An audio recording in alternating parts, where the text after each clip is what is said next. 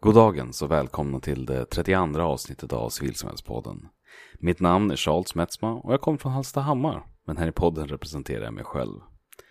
Och förra veckan så var det faktiskt en delegation från kommunen upp till Globen för att ta emot priset för den kommun som var bäst på att ge företagsservice i området Stockholm-Mälardalen. Och det var inte heller bara i regionen som vi stod oss bra, utan sett till den nationella rankingen så hamnade vi på plats nio. Så stort grattis! Eh, och innan vignetten rullar igång så slänger jag bara ut en fråga. Eh, finns det någon organisation som arbetar med en ranking utifrån föreningslivsservice eller kontakter med civilsamhället? Det vore intressant. Men nu, vignett. Sverige är ett land som är byggt utav folkrörelser. Och vi vill lyfta fram de unga kandidaterna till styrelsen. Om en grupp av människor har en gemensam intresse, då kan de bilda en förening. Det är en gryende folkrörelse. Idag sitter jag här tillsammans med inte en utan två olika personer. Så jag säger välkommen till My Malmström Sobelius som är initiativtagare för mötet och Sofia Zackrisson som är pedagog och projektledare på Tollare folkhögskola och då Centrum för ideellt ledarskap. Goddagens! Hej!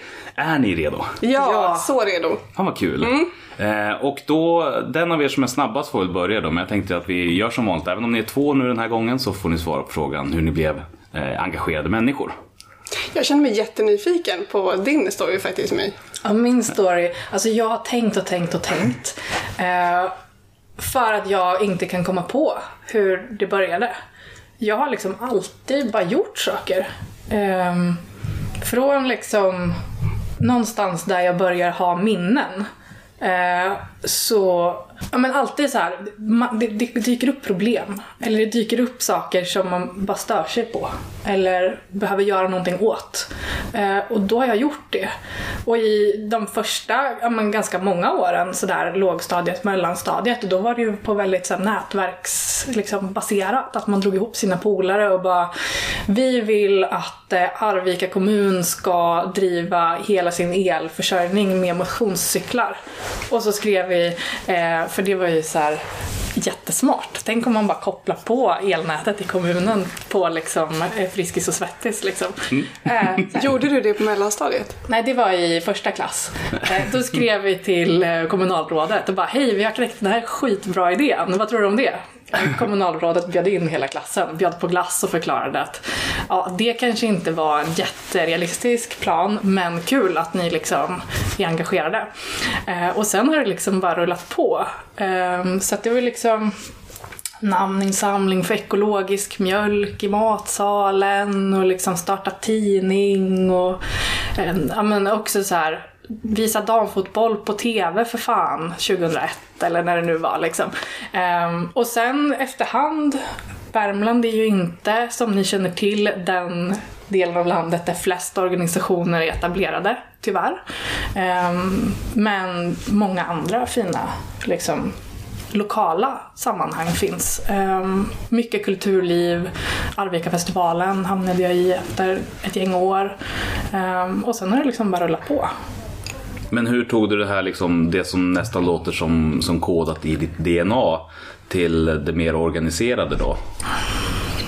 Alltså, jag tror att det var tillfälligheter. Jag eh, råkade...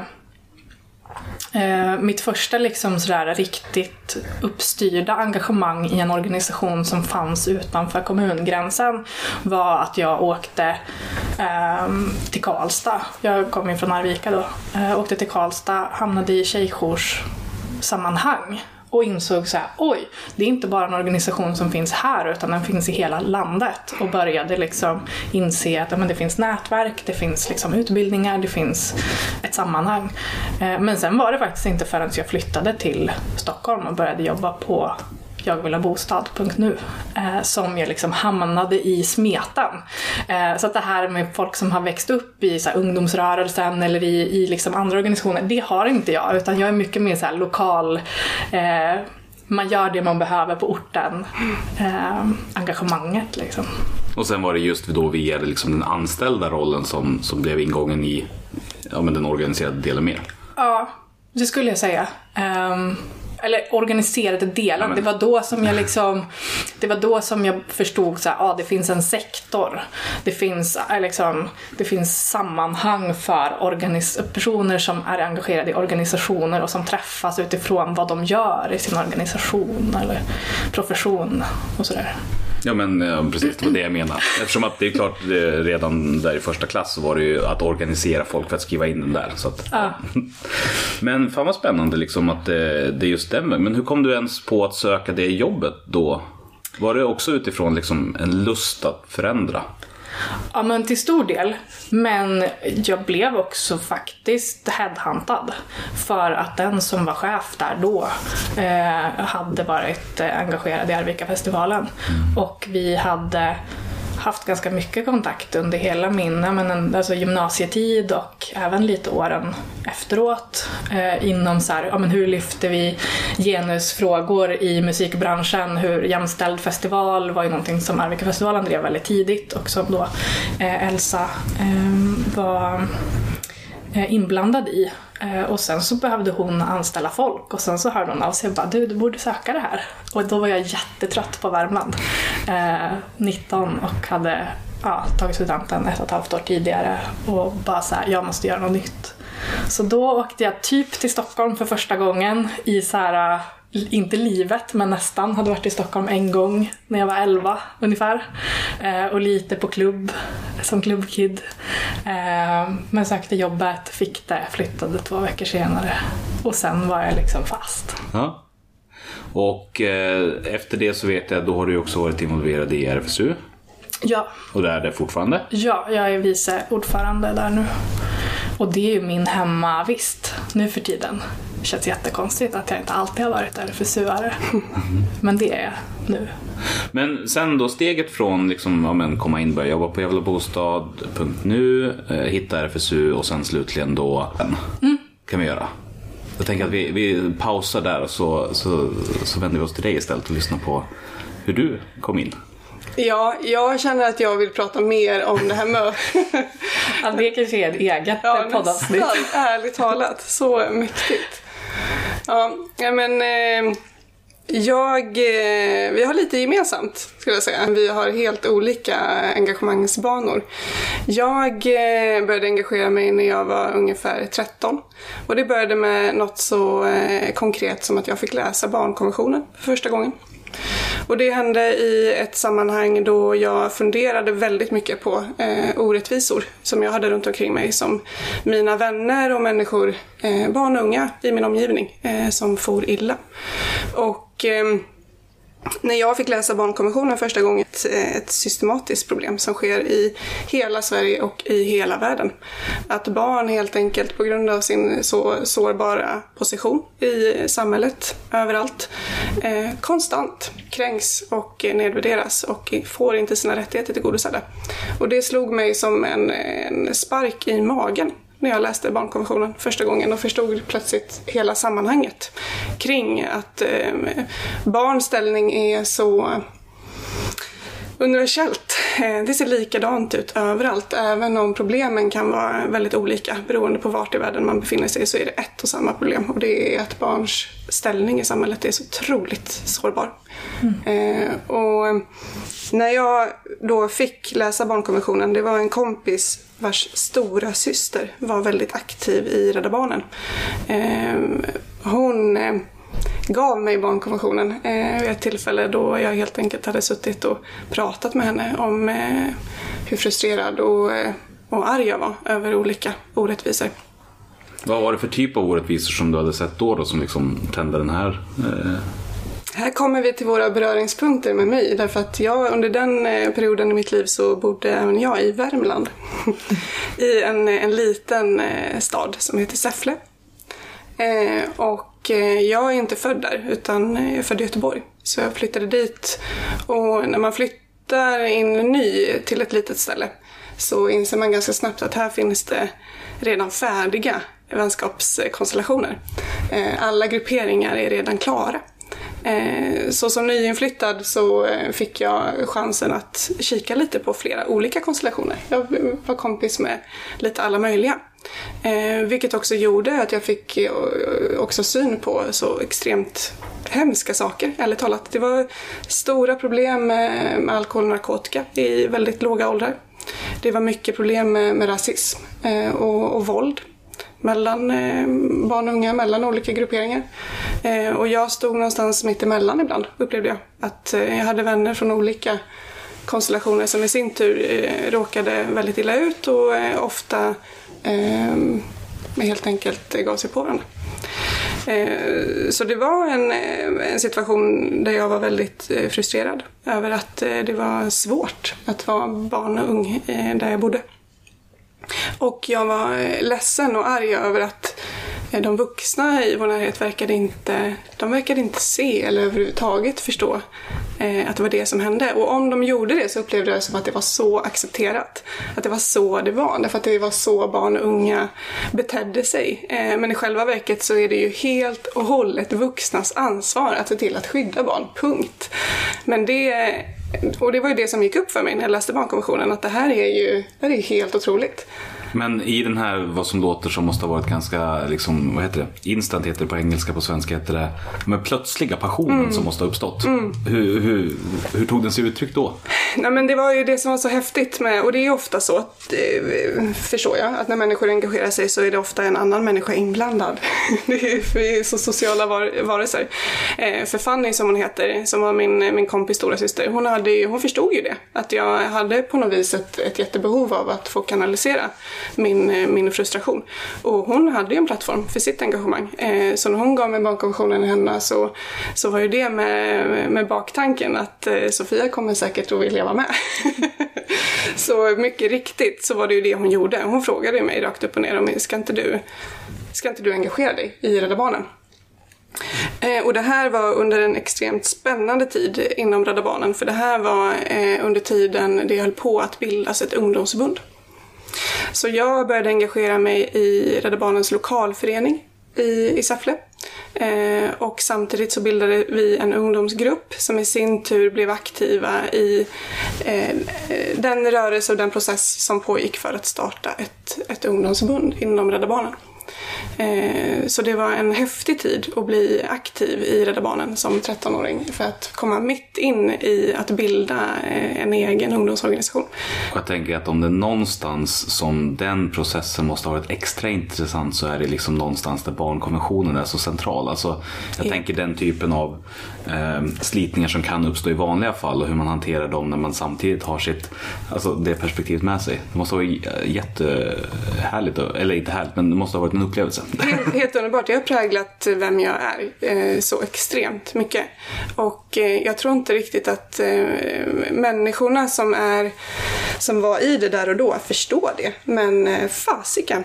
Att vara, att vara tonåring och då så ung tonåring och få, få vara med och engagera sig och starta en organisation och få vara aktiv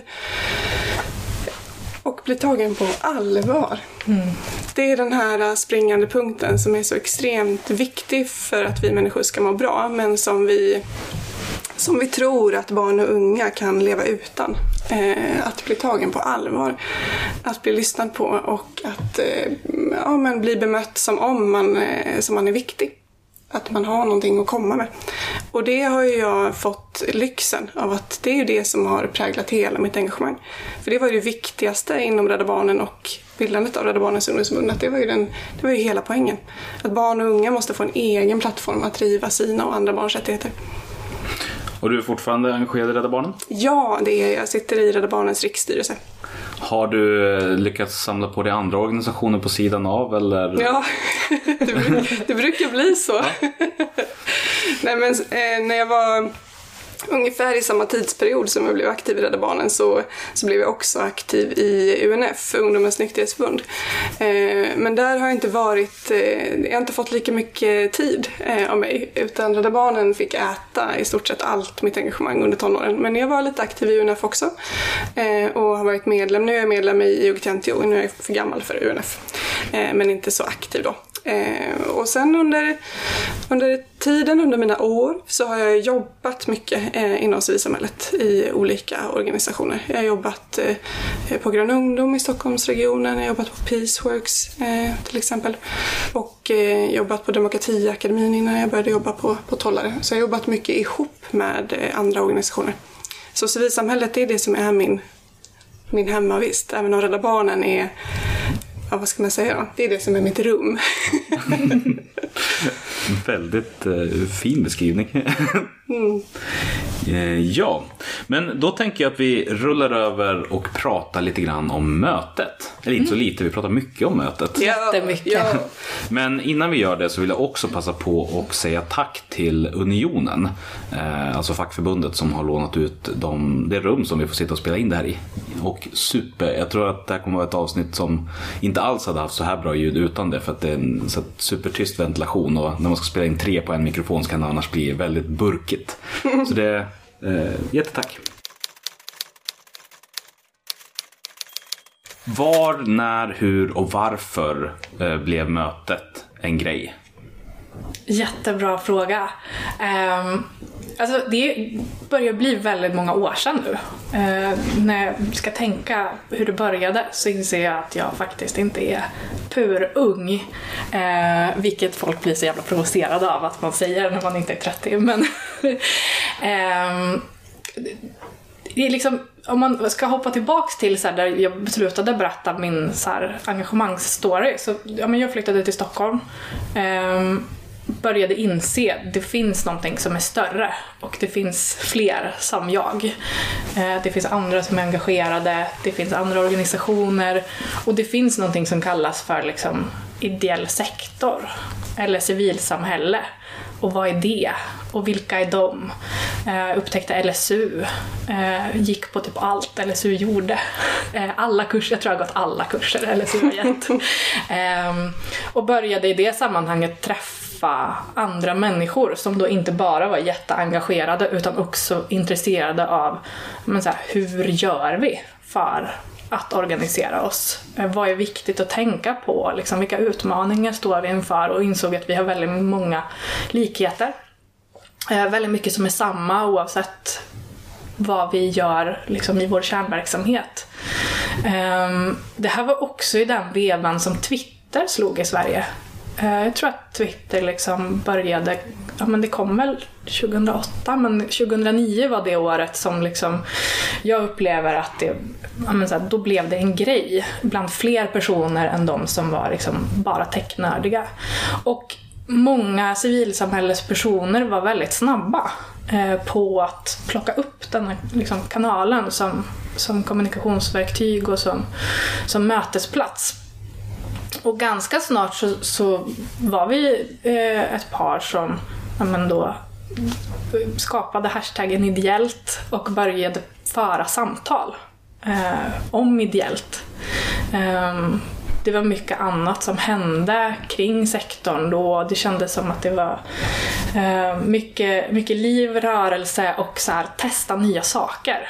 Eh, men det kan ju också ha att göra med att jag var ny och tyckte att allt var så härligt och, och spännande. Ehm, och sen eh, i den här, eh, liksom, vad ska man säga? Ehm, efter något år eh, så, ja men så här, alla på Twitter, alltså så, Twitter var så litet då. Alla kände alla kändes det som.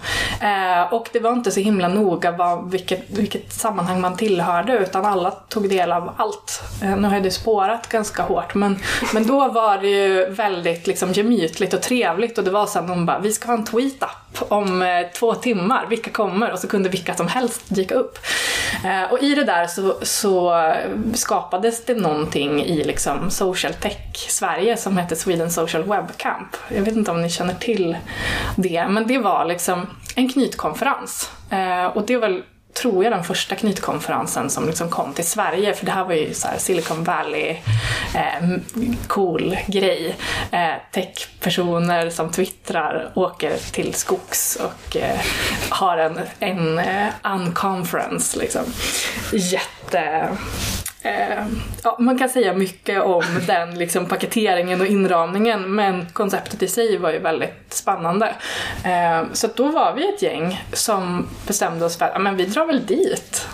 Eh, satte oss på bussar och åkte till Blekinge skärgård och hamnade på en ö med jättemycket Twitterfolk. Liksom. Eh, och då var vi ju ett gäng från det här civilsamhällesbubblan, lite LSU-folk, lite ja, men, från, från olika generationer som var på ön. Och så, så vet jag att vid något tillfälle så, så gick vi någon promenad liksom, i då Blekinge skärgård. Eh, har lämnat liksom där allting händer. Eh, det är fint sommarväder, det är så jättesommaridylliskt. Och så bara börjar vi prata om varför gör inte vi det här i vår bransch? Så här, vad, det här är ju briljant. För att då knytkonferenskonceptet, det går ju då ut på att arrangören eh, står för liksom logistik, mat eh, och mötesplatser. Men sen är det deltagarna som styr upp allt innehåll i princip. Um, så att det kunde ju bli vad som helst. Uh, högt och lågt. Men, men känslan var sådär att om jag vill prata om någonting så, så får jag göra det. Uh, och att det var väldigt prestigelöst. Så då satte vi upp en programpunkt som var sådär. Vi startar Sweden eh, Civic Society Camp, typ. Uh, och bara satte den på schemat. Och sen dök det upp massa folk som ville göra det. Eh, och vi hade mest tänkt att det var så här, eh, en förlängning av att vi hade döpt vår del av tältplatsen till Sweden eh, Civic Society Camp. Liksom. Jätteoseriöst. Men i det där mötet så insåg vi att jo, fast vi delar vissa erfarenheter som vi vill göra någonting med. Och de erfarenheterna handlade väldigt mycket om att men dels så, så hade vi varit på en himla massa konferenser. Så forskningskonferenser, erfarenhetsutbyteskonferenser och liksom som sektor men också som enskilda liksom, i våra organisationer. Och upplevde att de kanske inte gav så himla mycket. Um, och det är ju, på ett sätt så kan ju det vara lite kaxigt då när man kommer som ganska ny till civil, fina civilsamhället i Stockholm och bara så här, ja men jag tycker att allt är tråkigt. Eh, jag vill ha något annat. Ehm, och då kan man ju välja att liksom älta det eller så kan man välja att testa något annat. Um, och sen så pratade vi i det sammanhanget, åkte hem och sen så hade vi ju twittrat om det här. Så då var det ju folk hemma som hade sagt så här, men det där låter ju jättespännande! Gud vad kul, jag vill vara med! Och plötsligt så var vi ganska många som, ja men shit, det här, vi, nu kanske vi är en kritisk massa för att vi ska tro på att det är någonting som är relevant för fler än så här, fyra navelskådande eh, personer eh, liksom, i Sommarsverige. Så då drog vi liksom igång arbetet och började sondera terrängen. Och tesen hela tiden då var ju vi tror att det som är mest givande på en konferens är fikarasten. Vi gör en konferens som bara är fikarast. Men vilket år var det här? Förlåt att jag avbryter.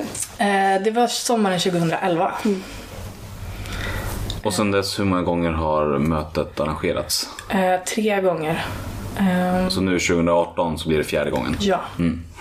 Uh, och uh, första sommaren då var sommaren 2012. Um, ehm, och då var det ju sådär, vi drog ju alla trådar. Vilka vill vara med? Vilka har pengar? Vilka har tält? Vilka har... Eh, liksom, det var verkligen knytkalasstämning i liksom, hela vårt liksom, extended nätverk. Um, och det var ganska många i arrangörsgruppen, vi var nog sju eller åtta personer första året. Vilket var väldigt bra för att vi var i olika sammanhang. Men det var också en utmaning rent där. gruppdynamiskt och att lösa en uppgift när man då ska starta någonting från början. Um, men alltså, folk litade så himla mycket på att idén var bra. Eh, så att det var sådär, inga problem. Alltså alla liksom, traditionella folkrörelser ställde upp. Eh, folk, alltså det var många liksom, tunga personer i sektorn som bara så här, självklart lägger jag en helg på någonting jag inte vet vad det är, om ni säger att det är bra. Ehm, så att det fanns en oerhört stor tillit från sammanhanget. Att det skulle kunna vara någonting som var givande och någonting som var annorlunda. Jag tänker att det säger någonting om behovet. Precis som du är inne på, att få, att få en oväntad mötesplats och få, få vara med och skapa innehållet själv. Att det fanns ett stort vakuum och ni fyllde det. Och det gjorde också att så många kunde där och då utan att ha varit med om det säga att det är klart att jag som förbundsordförande eller partisekreterare eller kanslichef eller ni fick ju liksom hela spektrat på en gång. Det är så talande på något vis för vad det var för vakuum som ni fyllde då, tänker jag. Men när var det du åkte på din första Sofia? Nej, men nu kommer vi till här pinsamheter. För att det här har jag fått äta upp i alla år. För att jag är, är, är bekant med eh, flera ur ursprungsgruppen som arrangerade första mötet. Eh, och eh, varje år som mötet då blev av så undrar de såklart vart jag var någonstans. Ja, för att jag har inte varit på mötet förrän, eh, förrän mötet blev på Tollare förra året. Var 2017. Eh, ja, precis. Så nu fick jag så sitta här och skämmas här en gång till.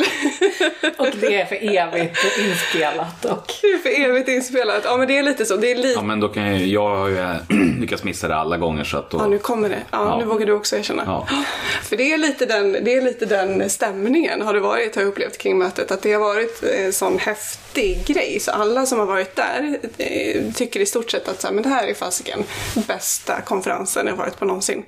Ehm, så, eh, ja, så då har det blivit rätt hypat. Och eh, är man utanför då, då får man skämmas lite. Ja, men om vi skippar skammen istället och, och tittar. Du har ju ändå åkt dit och så där, men vad var det då som gjorde att du, trots det här inneboende motståndet, Oj, och, oj, oj, oj, oj.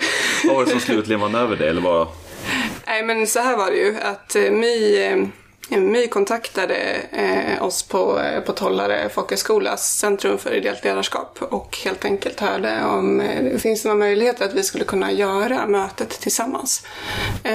Och då när jag började jobba på Centrum för ideellt ledarskap för ungefär ett år sedan, då var då var Tollare och mötet igång med att eh, styra upp då 2017 års mötet. Eh, så jag hamnade i det, jag fick den arbetsuppgiften i knät helt enkelt, vilket var väldigt eh, såklart jätte, jätteroligt. Eh, Men det var först när du fick betalt som du åkte. Ja men du hör, du hör, det här, kan, det här är liksom, det här blir inget bra. Nej men, eh, men saken är väl också den att eh, nej men jag vet inte, jag tror att det, det fina med mötet är ju just att, att det, är på, det är helt och hållet på deltagarnas eh, villkor. Eh, men för mig har det nog varit lite, jag har nog eh, många gånger tyckt att det har varit skönt senare åren att, att få Eh, ja, att få, få en flexibel tillvaro och eh, när jag åker på konferenser eller, eller möten och sådär. Ofta så, numera gör jag ju det oftast inom mitt ideella engagemang inom Rädda Barnen och så. Eh, men ja, så här, det, det är häftigt med mötet att det kan få vara flytande. Men när mötet var renodlat mötet utan tollare så var det liksom aldrig som att det passade, passade. Eh, tidsmässigt eller med mitt behov just där och då.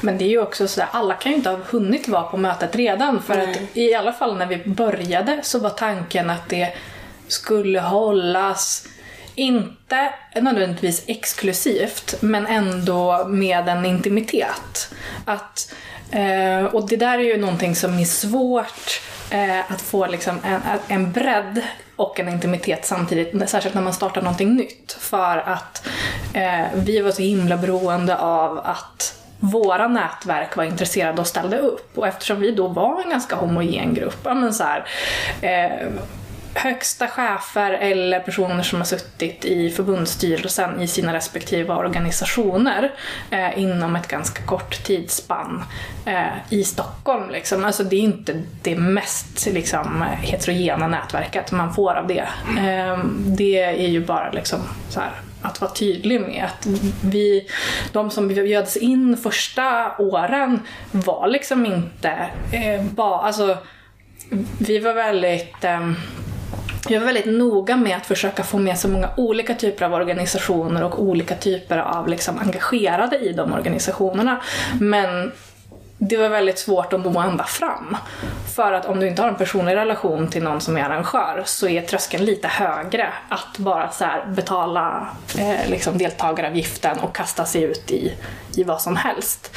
Eh, så även om vi strävade efter att nå brett och nå många olika typer av personer så, och det har vi ju fortfarande inte riktigt lyckats med och det är ju en utmaning hela tiden att nå personer som inte redan är i liksom, moset och eh, eh liksom, ankdammen och träffar alla personer liksom, i sin vardag.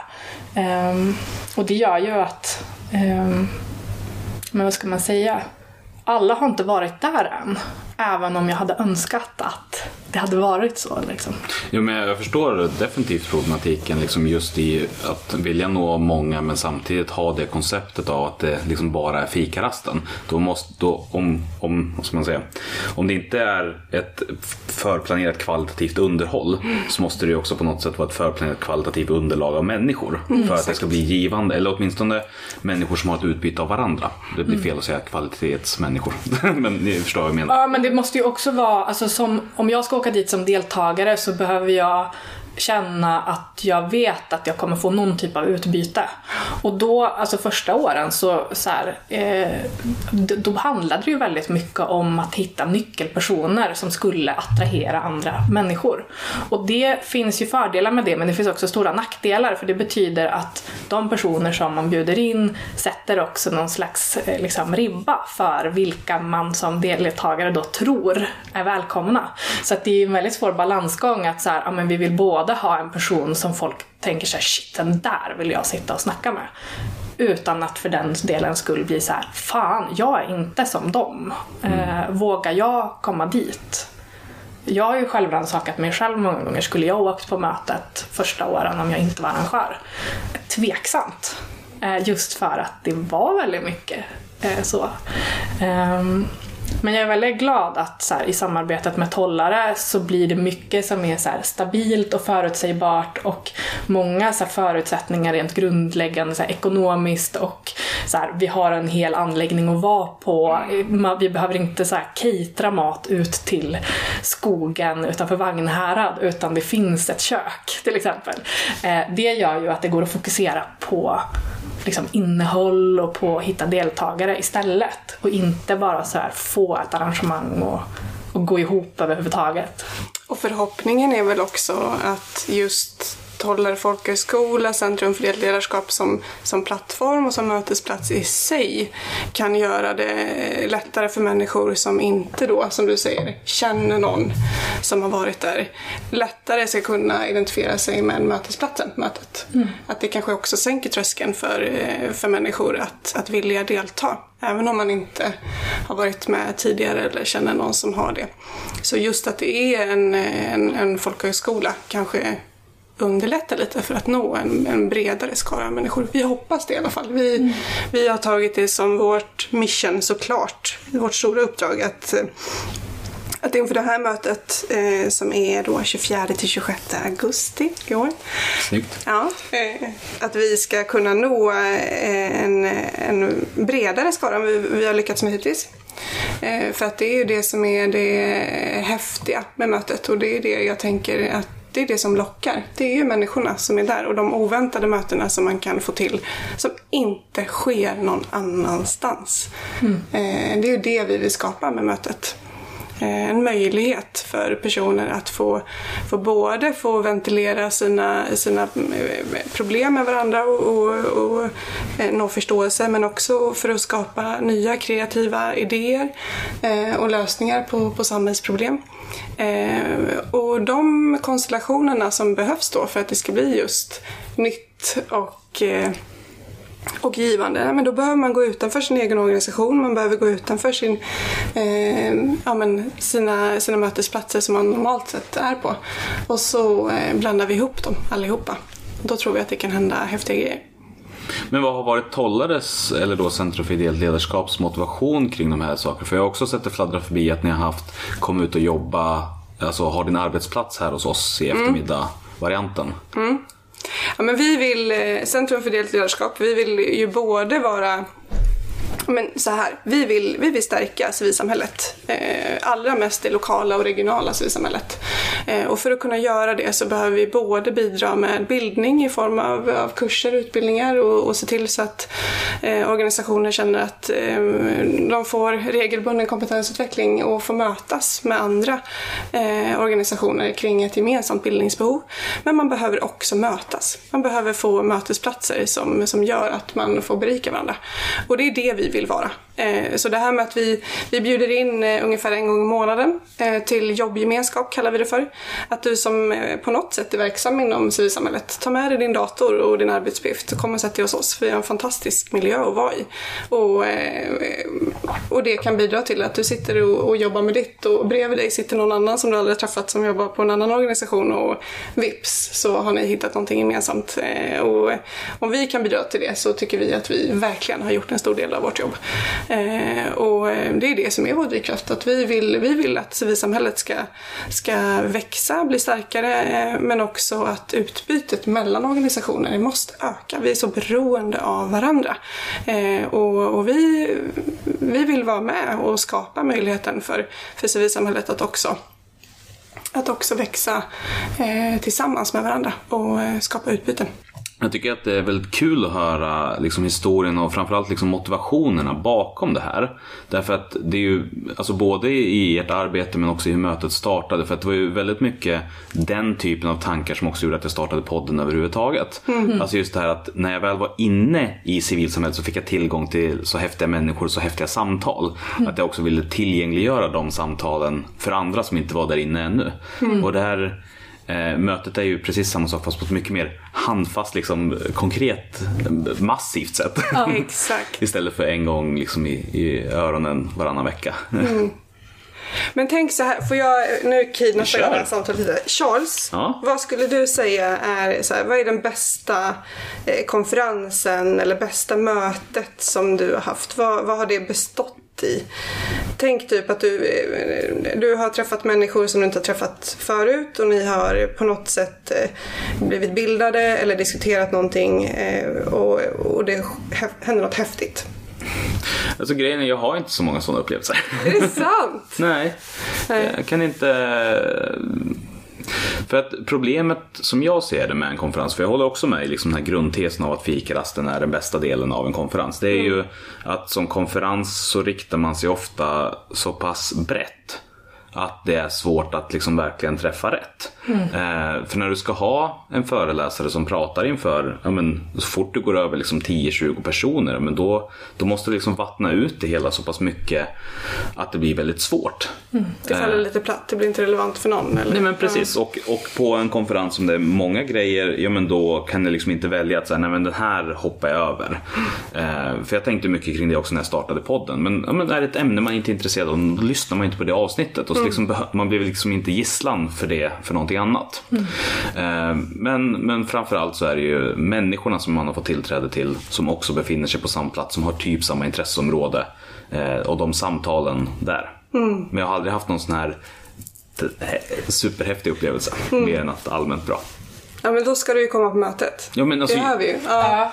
Och det var ju också det som var eh, men så här, en av, av eh, ingångarna i när vi drog igång. Att så här, gud vilken waste of time Ja. att samla på alla de här konferenserna och mötena. Samla så himla mycket kompetent folk som aldrig hinner prata med varandra. Ja, precis. För precis som du säger, att när man har ett färdigt program, men, om det är en duktig arrangör så har ju den tänkt till att det faktiskt är någonting som är relevant för de som är där. Men ibland så är det ju inte ens så. Ehm, Det finns ju någon slags inflation i att man ska ha konferenser och man ska ha seminarier.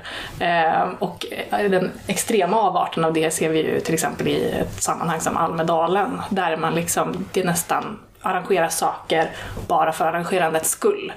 Ehm, och att då skapa den här antitesen. Att så här, du behöver inte så här, du behöver inte tycka att någonting av det som jag som arrangör är intressant.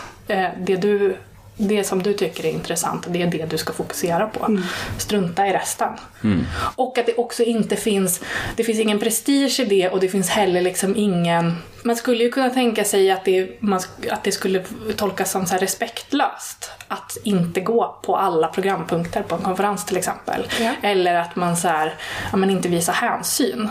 Och det har ju också vi försökt så här, bara ta ur mötet så mycket som möjligt. Att där ska det vara okej att bara välja det som du själv känner att du kan bidra med någonting eller få någonting själv. Det är helt okej att gå från en programpunkt om du känner att så här, men jag har hamnat fel. Och det är inte en grej. Eh, det, så här, det ses inte som ett statement, det ses inte som ett nederlag för någon, eh, varken för den som lämnar eller den som då blir lämnad. Utan snarare så här, vi fokuserar på de som vill vara där.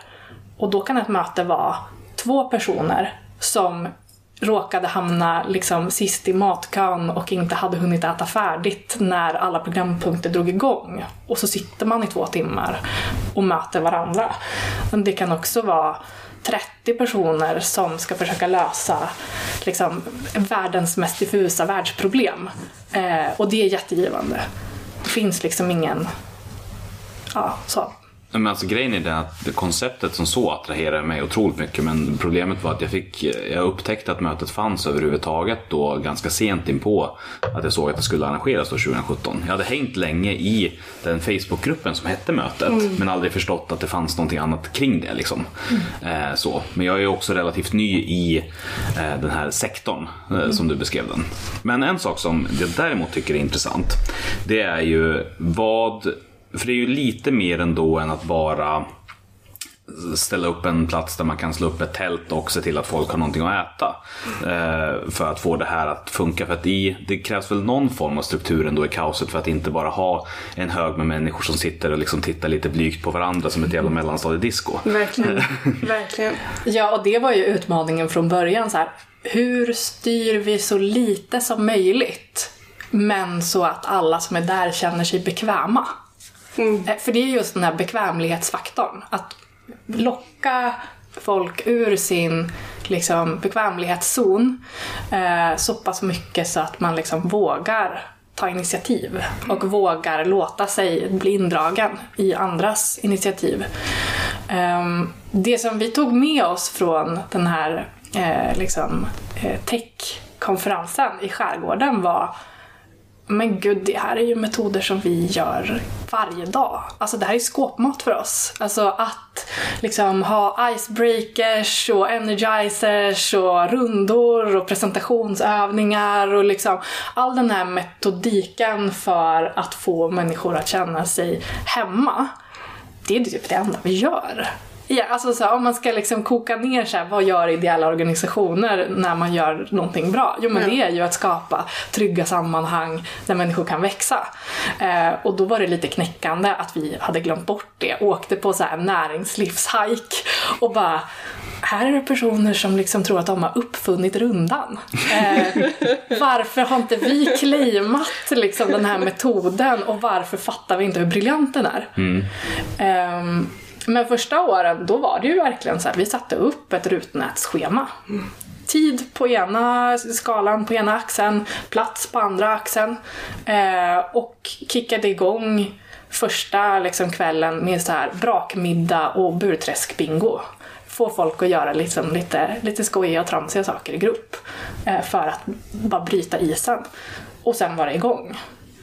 Ehm, så att det har egentligen bara handlat om att övervinna den där första tröskeln av bekvämlighet och sen så ger det sig av sig själv. Alltså, enkelt sett skulle man kunna säga så. Och första åren var det så. Eh, sen efter andra året eh, så insåg vi att ja, men nu, nu har vi testat det här. Och för att liksom höja ribban, inte i liksom att höja tröskeln men att liksom göra ett bättre arrangemang. Eh, och också vara tillgänglig för fler. För att det är ju, är man van att kasta sig in i så här, bygg eh, pyramider av eh, era kroppar och eh, liksom sådana saker. Då är ju det ganska enkelt att ändå hoppa in i. Men om man inte är det, då behövs det något mer. Och det var ju därför som det då när när jag började tänka på så här, hur ska mötet överleva, för då var det i princip bara jag kvar. Eh, för att livet händer och folk gör roligare saker. Eh, man ändrar engagemang och sådär. Jag kan inte göra det själv. Så här, vilka aktörer kan hjälpa mötet att ta nästa steg liksom, processmässigt, metodmässigt och pedagogiskt för att liksom, då förvalta den här folkbildnings liksom, idén som ligger så väldigt tydligt i grunden.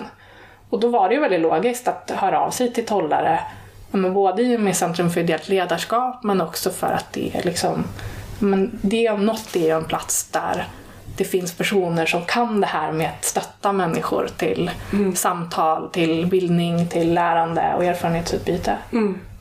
Och det har vi tagit fasta på. Så nu kommer vi att, att skruva om mötet lite. Eh, jag tror att det är en, en bra formulering.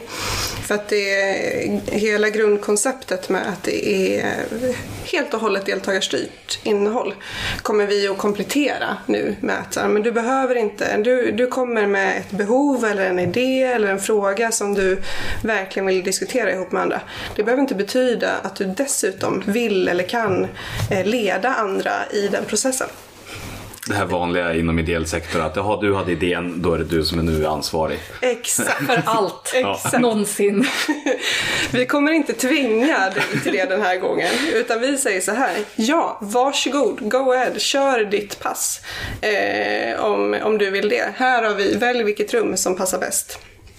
Och kör ditt pass där. Men är det inte så att du vill stå för, för också formerna för själva punkten. Nej, men då löser vi det. Eh, och då kommer vi göra det på olika sätt. Eh, både genom att eh, rent eh, fysiskt närvara som processledare och helt och hållet stå för, för formerna. Eh, och då får ju vi helt enkelt, okej men vad är, vad är frågan, vad är behovet, vad är målet med den här, med den här punkten, med det här passet? Och så löser vi det formmässigt. Så att de människorna som deltar under de promesserna, vad är det för fråga, vad är det för, för behov och vad är målet? Eh, och så löser vi formerna. Så. Men hittar ni då liksom en processledare bland deltagarna eller har ni ett crew som sitter redo och bara väntar på att ta en? Ja, vi kommer ha ett crew som sitter redo. Men vi kommer också ha andra hjälpmedel. Vi kommer inte bara ha rent fysiska personer som kommer processleda utan vi kommer också ha lite, lite andra eh, hjälpmedel för, att, eh, för ett samtal. Eh, och det kan vara att vi lägger upp en spelplan Eh, med, med former. Så att man själv eh, håller i passet men man har en ram att hålla sig med lite, med lite praktiska metoder helt enkelt. Eh, så vi kommer att ha både och. Både processledare i personer men också lite hjälpmedel på plats. Alltså det, det är ju en enorm metanivå när man liksom börjar grävas ner i det här. När man då har en konferens som inte är en konferens, som inte rör sig till det, eh, med en grundtanke i folkbildning. Men samtidigt som man jobbar med de här olika ämnena som man folkbildar sig i så skapar ni också en metoder för att folkbilda folkbildare. Ja, men det är exakt så. Grejen är att det här är något av det roligaste jag vet. För att jag är, jag är ju verkligen en sån som går var, i stort sett varje gång jag är på en konferens eller ett möte så sitter jag på mina händer av frustration i att så här, de sa att det här skulle vara interaktivt eller de sa att det här skulle vara en workshop. Men herregud, det är ingen som har styrt upp den här formen som Men- omöjliggör för mig Men är inte, liksom, är inte själva eh, grundkravet för en workshop att du har en räcka upp handen-övning i början? Alltså, jag är så...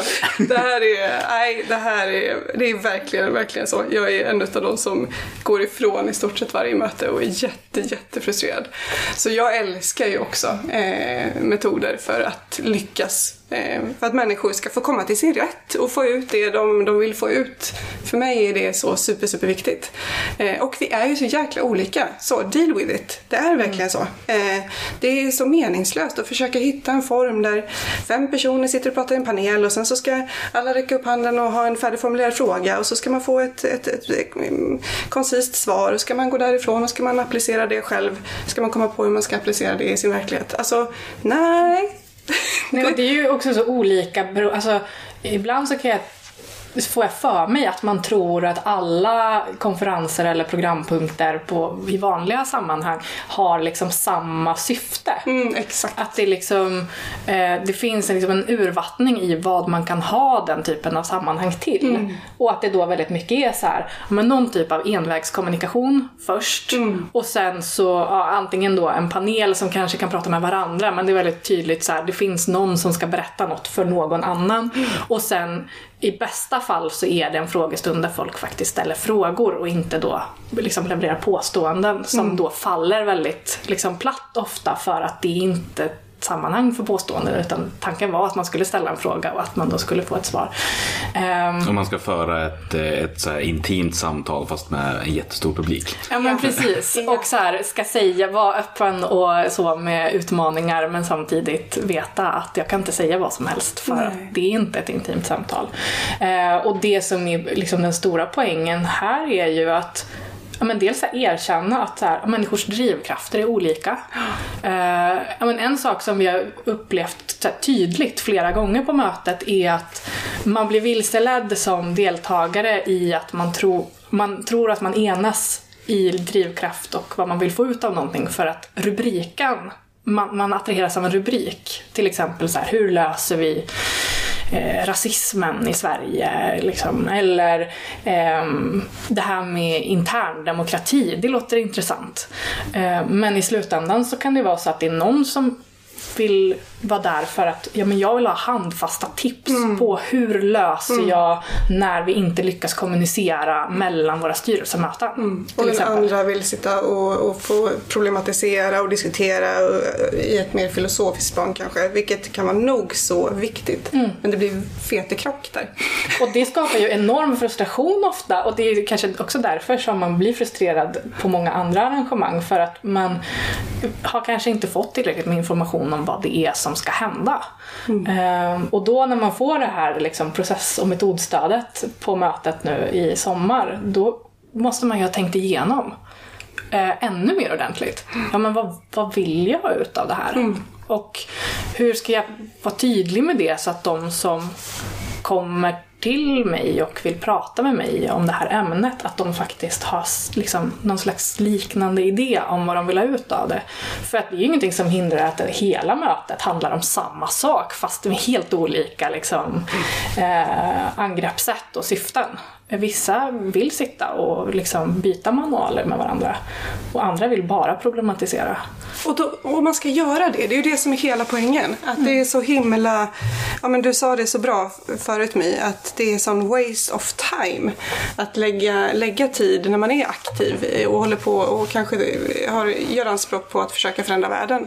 Att då lägga tid på att gå på eh, stora konferenser, möta hur mycket människor som helst som befinner sig i samma lokal som har eh, så mycket eh, intressanta saker. Men inte få möjlighet att, eh, att, att då få utlopp för sitt behov eller få med sig sin, sin metod eller få, få problematisera tillsammans med den här personen.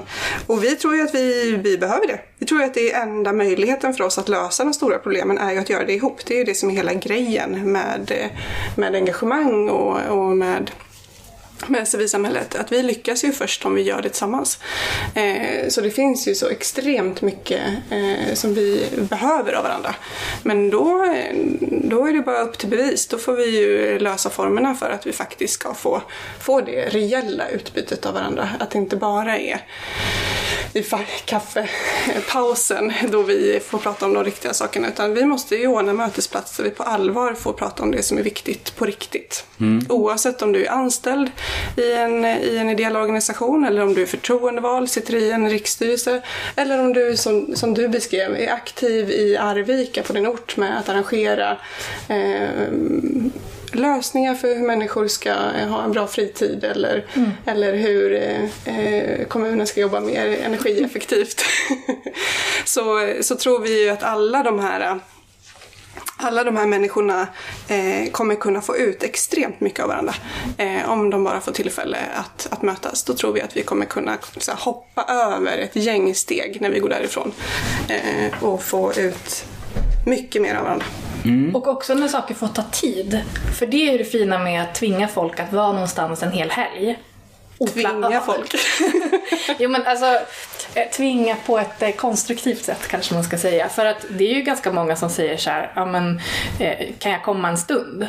Eh, och så här, ja det är klart att du kan. Men det bästa är ju när man kommer på fredagen eh, och sen stannar hela helgen. För att då kanske du har ett jättespännande samtal på fredag kväll.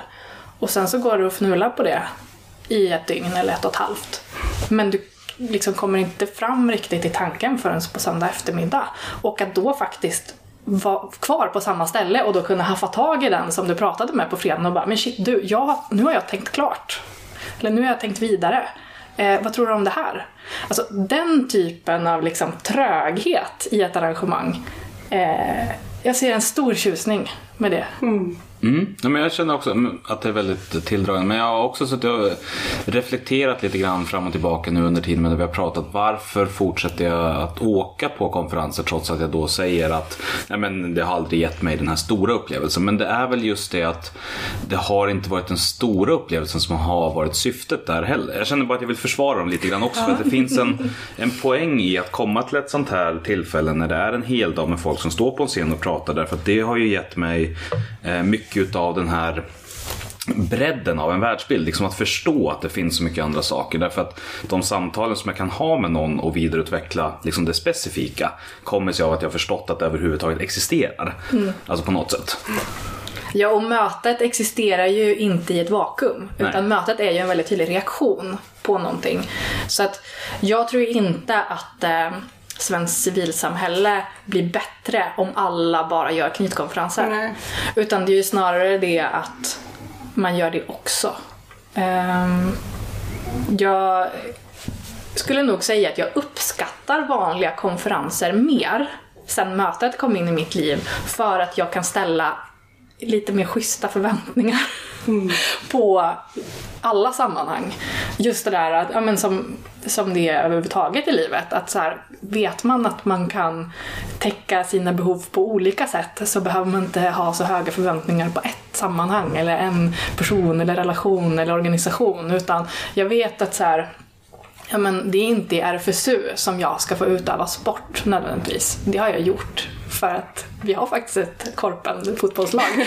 Men det är inte det som är liksom det primära när jag är engagerad där. Och då vet jag att så här, ja, men då kan jag gå till min derbyförening och så spelar jag där. Eh, och på samma sätt med konferens. Att så här, om jag vet att jag kommer få utlopp för alla mina lustar och behov i augusti på Tollare liksom, under mötet. Då kan jag vara lite snällare mot arrangörer resten av året. För att då behöver inte jag förvänta mig att de ska leverera det som jag behöver i stort. Liksom. Men Charles, jag tänker att du har ju helt rätt i att, att få vidga sin världsbild och att få nya inspel och få ny kunskap. Ofta är ju det att man åker på en konferens och så får man ta del av, eh, av jättebra föreläsningar till exempel. Eh, och, och min frustration ligger nog i att i, under en sån föreläsning som jag är helt med dig, jag uppskattar också att få, få ny kunskap om frågor som jag är intresserad av. Men frustrationen ligger ju i att i samma rum så sitter jag som, som deltagare ihop med massa andra människor som, eh, som tillsammans skulle kunna lösa mycket av de här problemen som, som vi får kunskap kring. Men när vi går ut ur det där rummet så tar vi en kopp kaffe och sen så går vi och sätter oss i ett annat rum och är tysta och pratar inte med varandra.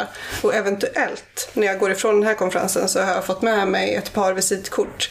Så om jag lyckas eh, få tummen ur att ta initiativ till att kontakta de här människorna så kanske jag kommer att få ett utbyte med dem sen. Alltså det är så många steg så jag tror att det är, det är där skon klämmer. Ja, men just få- sepa- separationen mellan eh, inhämtad kunskap och liksom omsättning i någon form av relevant eh, samvaro för mig själv. Där satt den. Ja, alltså det känns som att det finns jättemycket, jättemycket att prata om kring det här. Eh, och det är ett superintressant samtal med vår tid börjar ta slut. Tråkigt. Så finns det någonting, alltså en sån här grej som vi inte har pratat om eller något perspektiv som, som ni vill lyfta fram eh, som en avslutning? Nej, men jag skulle... jag måste ju få passa på att säga att jag hoppas verkligen att så många som möjligt kommer på mötet den 24 till 26 augusti på Tollare folkhögskola. Vi kommer att, eh, att vända oss brett både till aktivister och lokalt aktiva förtroendevalda i stora riksorganisationer, du som är anställd eller du som jobbar med eh, ideella organisationer på olika sätt. För att vi vill ha just det mötet. Och som sagt, man behöver inte komma och, och hålla i i en hel workshop utan kom med ditt behov och kom med ditt mål och kom med, med, den, eh, med den frågan som du vill, eh, eh, vill få bolla ihop med andra. Eh, det kommer också vara väldigt, väldigt trevligt. Vi kommer bjuda på en del underhållning på kvällarna. Eh, och eh, Tollare ligger på en fantastisk plats också. Så jag hoppas att många, eh, många vill komma och, och skapa Knutkonferensen, mötet, tillsammans med oss. Mm.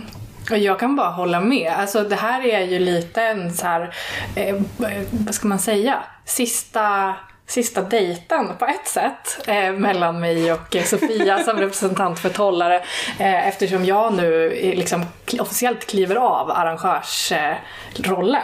Eh, är det här den sista överlämningen? Mm. Det här är typ den sista överlämningen och det känns så väldigt tryggt för att det har varit eh, en utmaning att hitta eh, personer som resonerar på liknande sätt.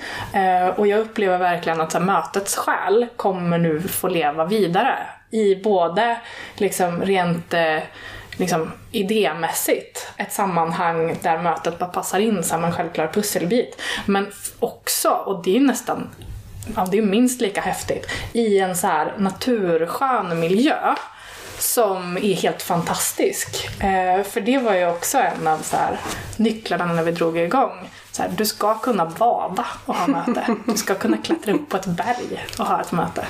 Och det, att det liksom nu kommer vara eh, liksom självklart, det känns så himla stort.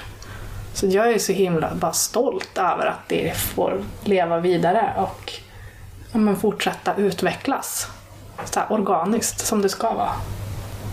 Vi har stora skor att eh, fylla eh, på talare men eh, vi är så tacksamma och det förpliktigar såklart vilket eh, är ett ansvar som vi är villiga att ta.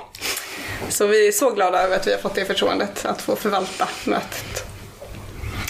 Jätte, jättehärligt och jag, jag ser faktiskt fram emot att åka. Jag ska bara se till att få till det och lösa det. nu när man bor på avstånd och bara så här allmänt civils... Min kompis använde ett ord som var civilsamhällesflanör.